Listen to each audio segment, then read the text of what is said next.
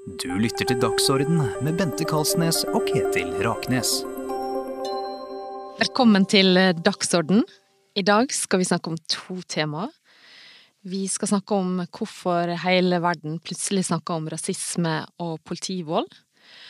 Og vi skal snakke om eh, hva rolle spiller sosiale medier i den debatten, og hva rolle har plattformen når det gjelder å moderere eh, ytringer. Men først til det aller viktigste temaet. Hva er Black Lives Matter, Ketil? Et veldig godt spørsmål.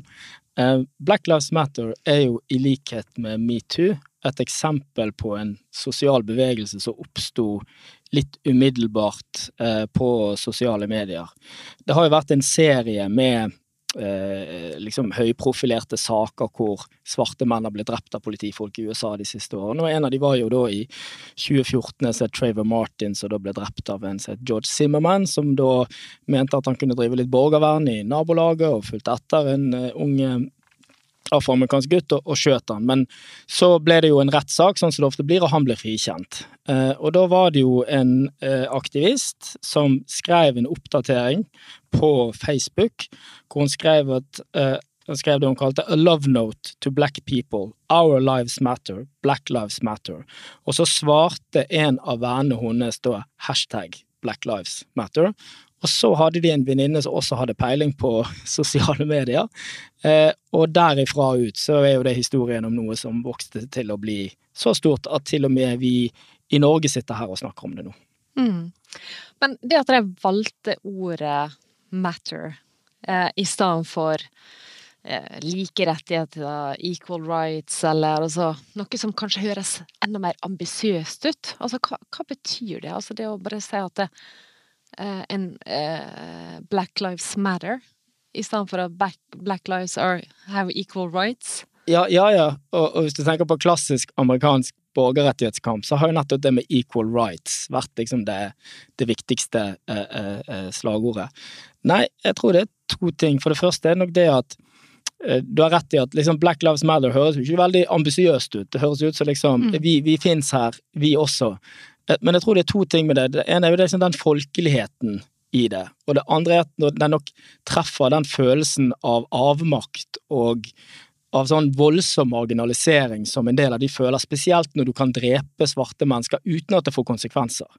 Eh, og det ligger jo litt under det med George Floyd òg, ikke sant. At vi er jo ikke i nærheten av rettssaken ennå. Og det er viktig å være klar over at i 99 av disse sakene så blir jo politifolk enten så får de en bot, eller så blir de frikjent. Og hvis det blir en dom i den saken, så vil jo det være helt sånn revolusjonerende eh, i måten man behandler disse sakene i eh, USA på. Mm.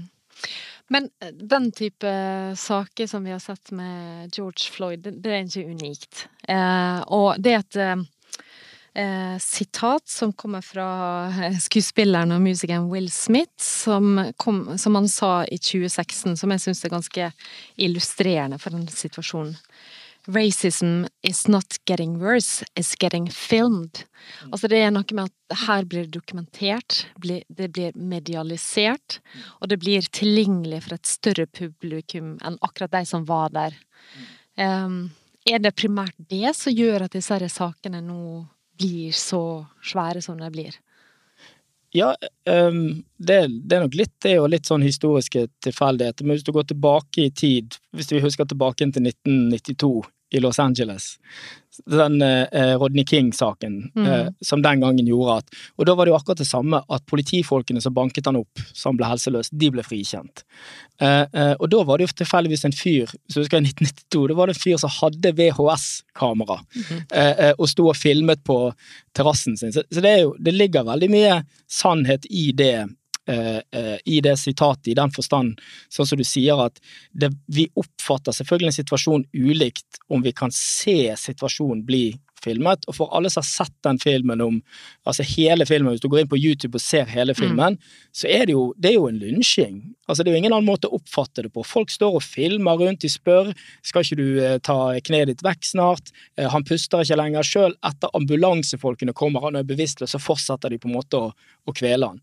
Eh, og, og, det er nok, sånn som du sier, en, en vesentlig årsak til at selv de som på en måte da tenker at dette ikke er så farlig, de får et sånt billedbevis som er, som er liksom vanskelig å forsvare seg mot. og som eh, medieforsker så er jo ikke det første gang vi har sett sånne bilder, er det det, Bente? Nei, ikke sant. Bilder og videoklipp kan være utrolig viktig dokumentasjon, og kan rett og slett endre historier. Mm. Eh, og det bildet av napalmjenta fra, fra Vietnam er veldig, veldig kjent.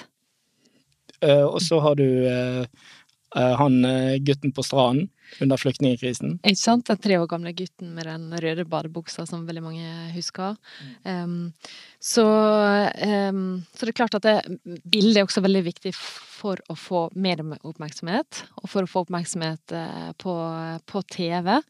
Uh, hvis den hendelsen Unnskyld. Hvis den hendelsen med George Floyd ikke har blitt filma, hva hadde skjedd da?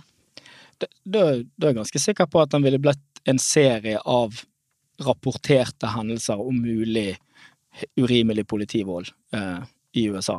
Og det er jo sånn så, eh, altså Men det er jo det interessante med metoo òg. Det at for alle som visste litt om seksuell trakassering, så var jo ikke dette noe nytt. Altså, De fleste mm. visste at det var ganske utbredt, eh, men det var jo kanskje den Weinstein-saken i kombinasjon med en del sånne strømninger i USA som var akkurat det som gjorde at det eksploderte. Og det, og det, er jo interessant for oss, fordi tenker liksom alle de sakene vi har i et samfunn, så er det bare noen som kommer opp på et nivå hvor alle snakker om dem. Mm. Og hva er det som gjør at vi velger noen saker mm. foran andre? Og, og det som jeg syns er interessant, det er hvorfor blir denne saken så stor på sosial... Altså, har sosiale medier bidratt til å forsterke George Floyd-effekten? Mm. Sosiale medier har nok eh, vært med på å få ting til å gå raskere. Eh, pluss at en kan nå ut til et større publikum. Altså en kan eh, en kan sette dagsorden på eh, lynkort tid. og ikke bare sette dagsorden i ett område i ett land, men sånn som vi har sett i denne saka her, altså en sette dagsorden over hele verden. Det har nå vært demonstrasjoner eh, mot rasisme i veldig mange land, også her i, i Norge. Eh, og sosiale medier gjør også at eh, vanlige personer kan være med å påsette sin og sitt nettverk sin eh, dagsorden, og på den måten også være med på å påvirke mediene sin dagsorden, fordi at mediene ser at dette er noe som publikum er opptatt av, og derfor lager de saker om dette her. Men jeg tenkte vi kunne gå litt tilbake i, tid, for jeg vet at du er interessert i det temaet som har med eh, rasisme i eh, USA i et historisk perspektiv. Og du mener også at her er det en parallell, hvis vi går tilbake til eh, Var det 1955 vi skulle? Ja, det er helt riktig. 1955. Hva skjedde da? Nei, for jeg tenkte, eh, jeg så at han som heter eh, Al Sharpton, som er en gammel borgerrettighetsaktivist, han sa at dette, George Floyd, er det mest skjellsettende som har skjedd siden Emmet Till. Og da er jo spørsmålet for oss som ikke har hørt om Emmet Till, hvem var Emmet Till? Men Emmet Till var da en gutt, så han var 14 år gammel. Og dette her er jo 1955. Han skal på ferie til slektningene sine i sørstatene. Han får streng beskjed av moren. og Her er jo det raseskillet i, i sørstatene. Får streng beskjed av moren, ikke snakk til hvite mennesker, knel gjerne, legg deg ned hvis du blir beskyldt for noen ting som helst. Han går for å kjøpe tyggis kan, i butikken. Kan jeg bare spørre hvorfor han ikke skulle snakke til hvite mennesker? Hvorfor skulle han kikke ned? Fordi at sånn som det var i sørstatene, da så kunne en hvilken som helst provokasjon bidra til at du kunne bli utsatt for vold, eh, og i verste eh, fall eh, bli lynsjet. Eh, og dette var jo ikke noe, dette var jo en uskreven lov, men svarte mennesker fikk f.eks. ikke lov å gå inn i visse deler av byen uten at de hadde et ærend der. Mm. Eh, eh, så, så, dette var jo et helt sånn grusomt rasjeskillesystem. Men det som skjer, er jo at Emmet Till går på butikken, skal kjøpe tyggegummi, og da mener hun som står i butikken at han har sagt 'bye, baby' når han går forbi.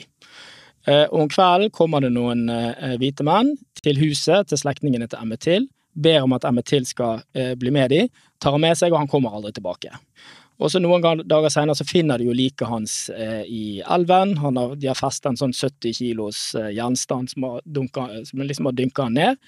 Eh, men så skjer det noe interessant, for når moren til Emmet Till får tilsendt kisten, så blir hun så forferdet over det hun ser, og sa liksom i ettertid at uh, it looked as just as though all the hatred and all the scorn the world ever had for the negro was taken out in that child. Mm. Men da gjorde hun en ting som medialt sett viste seg etter tid. Hun mente at han skulle gravlegges. Det skulle være en stor offentlig seremoni, eh, seremoni, og han skulle gjøre det i åpen kiste. Og det er klart at det synet av dette liksom deformerte barnet i den kisten gjorde et voldsomt inntrykk, spesielt da i nordstaten, ikke sant, og var jo veldig viktig for På samme måte som synet av George Floyd som blir kvelt nå, så er det et sånt som alle afroamerikanere husker og på en måte relaterer seg til. Så i Black Lives Matter nå, så, så bruker, hvis du hører, så skriver de sier ting som Michael Brown, Emmett Till, uh, How many black boys will you kill? Mm. Så, så, det er ikke, kanskje ikke så lett for oss å forstå som ikke er fra USA, men det er klart at for mange afroamerikanere går dette inn i en sånn større fortelling om hva som har vært deres skjebne i dette landet og liksom den følelsen av at du kan ta livet av oss. Og Det er derfor Black Lives Matter fungerer, tror jeg. For det er følelsen av at du kan ta livet av meg uten at det får noen konsekvens. Mm. Og så var det også det bildet som var viktig, altså at en fikk fram det visuelle ved den volden som blitt Emmet eh, til hadde blitt utsatt for. Ja, og det, og det at hun, hun, valgte å vise det fram. Ikke sant? Det, det er klart det det gjorde nok at, at folk følte liksom dette her, det, dette går ikke. Sant? Vi kan ikke drepe småunger for ingenting. Mm. Og bare som en sånn apropos om hvor ille det var. Disse menneskene som gjorde dette, blir selvfølgelig utsatt for en rettssak, en helt hvit jury. De blir selvfølgelig frikjent. De stiller opp i et intervju etterpå hvor de sier at ja, det var, det var ikke meningen å drepe han, og så la de til at but boy, that boy showed no fear. What else could we do to keep those people in their place? Mm. Så dette her er liksom USA 1955. Lov og orden, tilsynelatende. Ja, ja. Vi skal nå gå over til et annet tema som eh, er eh, relevant, men eh, det er fokus på litt andre personer. Vi skal snakke om Trump, vi skal snakke om teknologiselskap som Facebook, Twitter og Google. Vi skal snakke om er det greit at plattformene går inn og engasjerer seg i det temaet her, og faktasjekker f.eks. det eh, Donald Trump, den amerikanske presidenten, skriver om Black Lives Matter. Ja. Men det jeg har tenkt litt på der, er at det er jo ganske artig å se på forskjellen nå mellom Facebook og Twitter og, og for eksempel Instagram på, på hva de syns er greit og ikke. Twitter gikk jo inn og merket en del av meldingene til Trump. Mm. Eh, og så sier noen at det var veldig lurt av Twitter, mens andre sier at det ikke var så, så lurt. Men, men, hvorfor gjør de ulike ting? Ja. Og dette er, er en, egentlig en eh, ganske lang historikk, fordi at de har tatt ganske ulike tilnærminger til dette her. Eh, og uansett hva de gjør, så får de masse kritikk. Eh, så eh, typisk at eh, Twitter får kritikk for å sensurere for å begrense ytringsfriheten for eh, brukere av, eh, av Twitter. Mens eh, Facebook blir da kritisert for å gjøre ingenting, og for å tillate oppfordringer til vold. Altså Vi vet at Donald Trump har lagt ut meldinger på Facebook, blant annet den om 'When the looting starting, the shooting eh, starts. Ja. Eh, altså, som har blitt forstått som en oppfordring til å ta i bruk vold hvis det er opp til gatene. Og, og, igjen, tenker jeg det der med referanse. Dette er noe mange amerikanere skjønner som ikke vi skjønner. At det var en politisjef, rasistisk politisjef som brukte akkurat de samme ordene for, for lenge siden. Ja. I forbindelse med opptøyer. sant? Ja. Mm.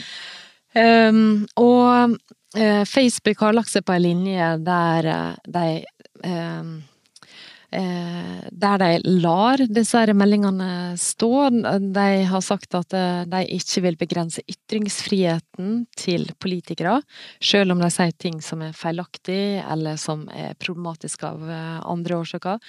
For eksempel i det tilfellet med med Twitter, så merka de et par av Trumps Twitter-meldinger fordi at han kom med feilaktig informasjon om valgprosessen. Blant annet dette med å kunne avgi stemmesedler i posten. Eh, så de mente at han da eh, informerte feil om hvordan den amerikanske valgprosessen eh, foregår. Samtidig som at dette er en utvikling som har på en måte eskalert. Eh, og som har eh, blitt intensivert eh, nå inn i valgkampen. og det henger igjen med det som skjedde da i USA etter valget i 2016, da vi så at det var mange eksempler på russisk innblanding i den amerikanske valgkampen, og særlig ble det masse kritikk mot teknologiselskaper for å ikke gjøre nok for å prøve å forhindre og begrense det. Men du har jo forsket en del på dette her med moderering og hva de tar vekk, og hva de ikke tar vekk. Så kunne du nå, hvis, hvis jeg skulle skrevet noe på sosiale medier etterpå som mm -hmm. garantert ville blitt tatt vekk, hva burde altså, Det tror jeg er vanskelig for folk flest å forstå.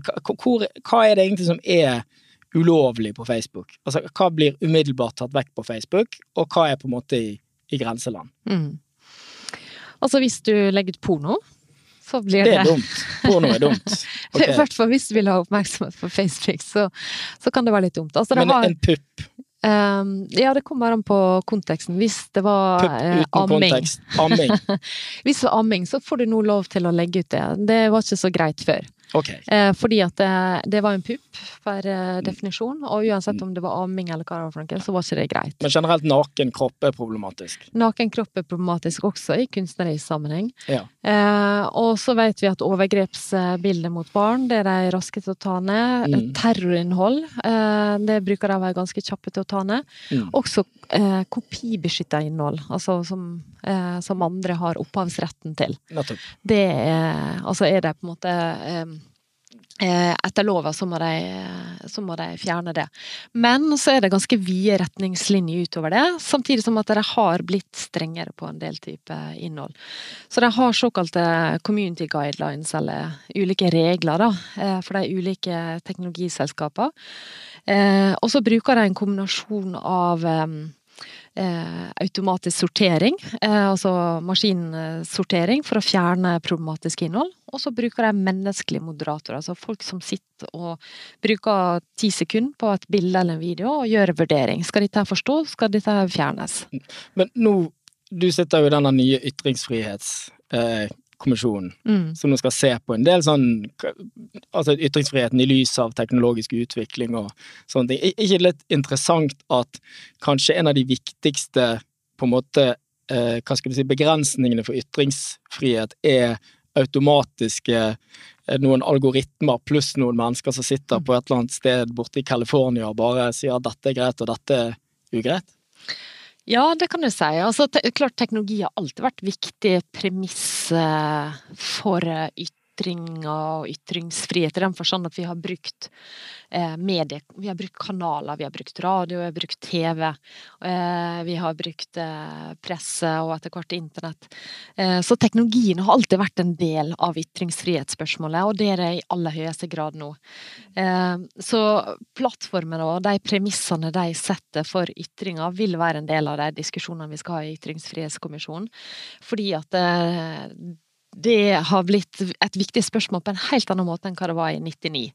Um, så um, det redaktøransvaret eventuelt eh, de plattformene tar, det er viktig å vurdere, og, og tar de nok uh, ja, ansvar, skulle jeg si. Altså gjør det nok for å kunne eh, legge til rette for eh, gode dig digitale offentligheter? Det er et av spørsmålene vi kommer til å diskutere.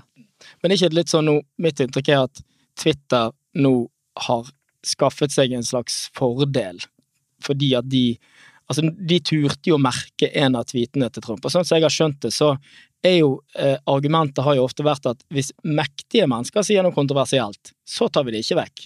Men hvis jeg skriver at det er på tide at noen drar ut til Bente og tenner fyr på huset hennes fordi forskningen hennes holder seg i mål, mm. så blir det tatt vekk. Mm. Men hva, ja. altså, hva er argumentet? For det, det, tror jeg mange sliter med å forstå. Hvorfor, når Trump skriver noe som er oppfordring til vold, Det er greit, men hvis jeg oppfordrer til vold, så skal jeg sensureres vekk. Ja, og det har vi sett mange eksempler på, at kjente folk, altså kjendiser, de får lov Så jeg må bli å kjendis før jeg kan virkelig begynne å Du true må andre. bli ordentlig kjendis. Håper podkasten får mange lyttere.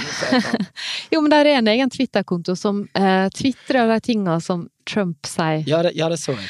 Eh, og så eh, hensikten var å se hvordan reagerer Twitter, da. Eh, det, kommer, kommer de meldingene ut? Og den, den kontoen opplever at mange flere av meldingene blir enten fjerna eller blir merka enn det Trump sine meldinger blir. Eh, så, så det er klart at det, eh, måten disse store plattformselskapene modererer på, er inkonsekvent.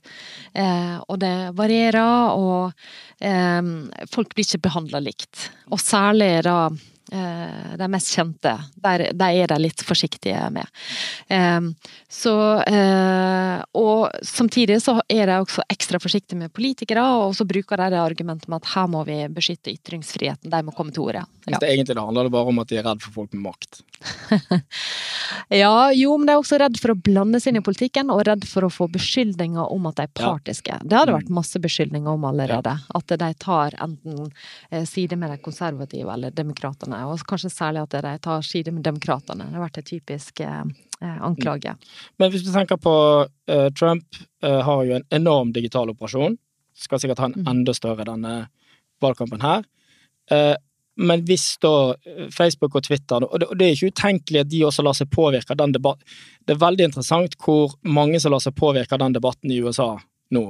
Vi ser jo at uh, TV, altså HBO trakk tatt av vinden. Mm. uh, uh, eh, altså at, at flere teknologiselskaper er nå villige til å moderere innhold, fordi at det er en stemningsskifte i USA.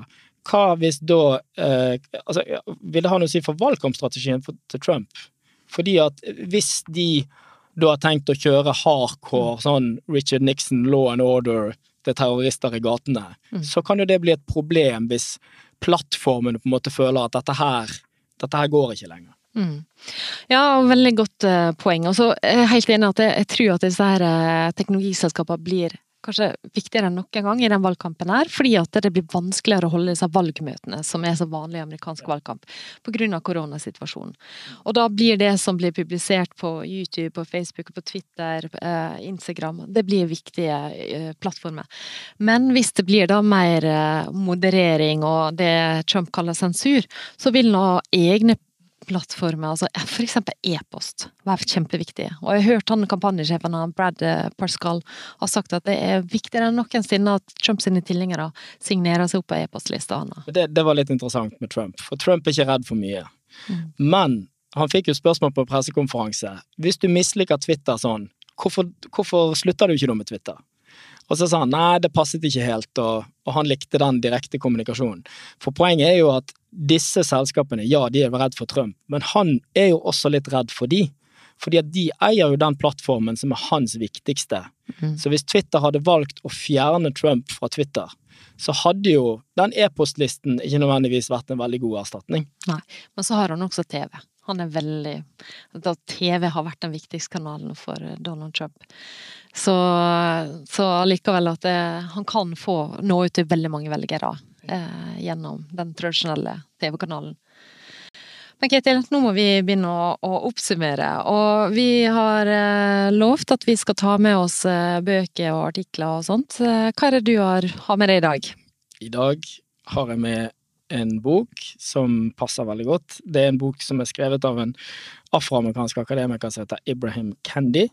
Og den heter Stamped from the Beginning The Definitive History of Racist Ideas in America.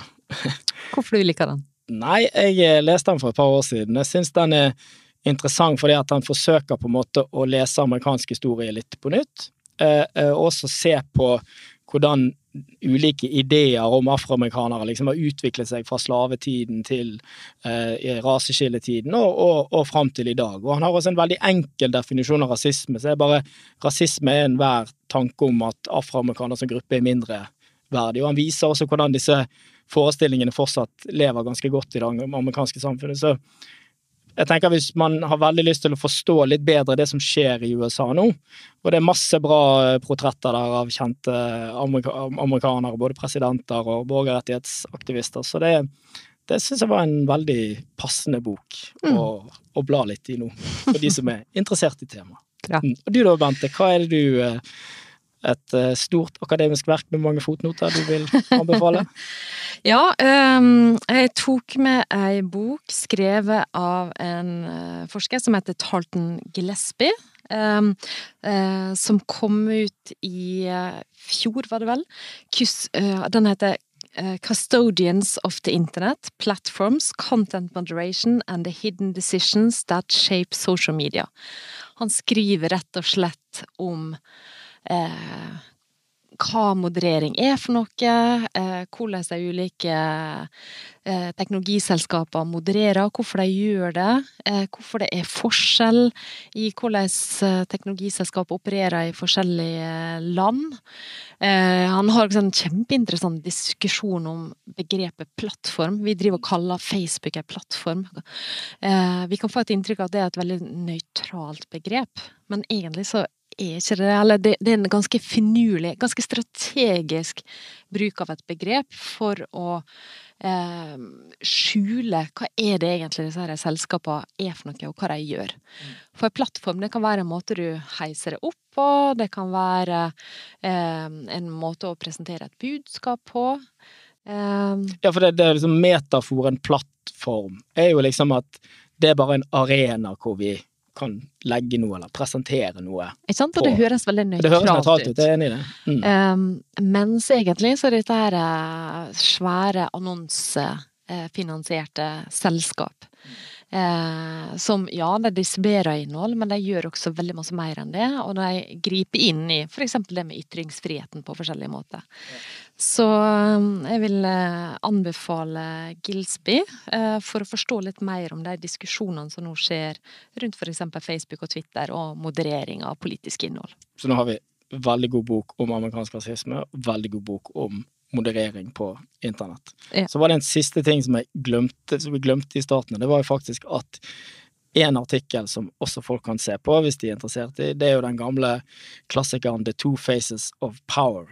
Mm -hmm for, som handler om at når man diskuterte makt på, på, på 60-tallet, så var man jo veldig opptatt av beslutningsmakt, ikke sant, hvem har makt å beslutte, men så var det jo noen som skrev en artikkel som heter Bacharach og Bratz, så skrev de en artikkel hvor de sa at ja, men makten til å bestemme hva vi skal snakke om, og hvilke mm. temaer som er viktige og ikke, det er faktisk en ganske stor makt. og det er en det er jo kanskje noe av det viktigste vi ser i dag, er jo hvordan den makten på en måte preger oss.